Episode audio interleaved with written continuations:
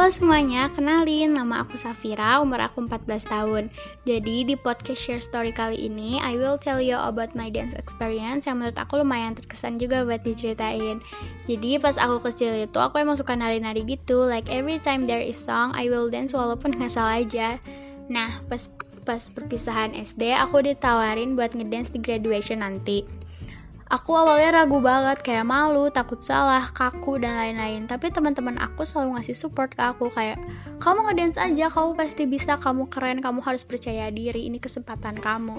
Dari situ aku ngeyain tawaran itu dan mulai latihan. And pas hari graduationnya, aku kayak demam panggung banget, kayak bener-bener gak ngerasa confident, ngerasa gak pantes. Terus abis itu pas aku ngedance di panggung itu ternyata seru banget dan aku mulai enjoy the music. Setelah graduation selesai, aku jadi suka ngedance sendiri depan kaca dan mulai belajar confident, dengerin lagu, mulai pakai power, sampai akhirnya bunda aku ngeliat aku ngedance sendiri depan kaca, and dia bilang, kamu mau nggak ikut kelas ngedance biar kamu bisa tampil juga? And of course aku ngeyain tawaran itu.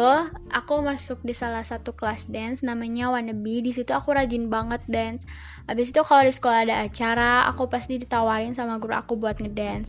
Aku awalnya bener-bener malu banget. Aku ngerasa nggak pantas ada di Wannabe ini, sedangkan teman-teman aku yang lain di Wannabe itu ngedance-nya emang keren-keren banget, kayak hebat-hebat banget. Jadi aku kalau tampil di suatu acara, aku ngerasa kebanting banget. Jadi jadi aku bener-bener ngerasa nggak pede apalagi mereka juga cantik-cantik banget kan badannya pada bagus kayak gitu-gitu.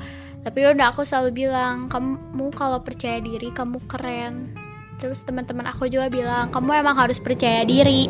Terus coach dance aku juga selalu bilang kamu jangan pernah takut salah kalau misalnya lagi tampil kamu harus improvisasi diri. Kamu pokoknya dengerin lagu dengerin iramanya jangan pernah ngerasa nggak pede kamu keren banget itu kata coach aku kayak gitu. Tapi aku di situ aku ngerasa apa sih kurang kurang banget gitu banyak kurangnya. Tapi dari situ aku emang benar-benar serius banget selalu dengerin lagu selalu lihat di YouTube contoh-contohnya. Terus aku juga suka uh, apa namanya nge-mix and match buat di panggung nanti buat baju-bajunya.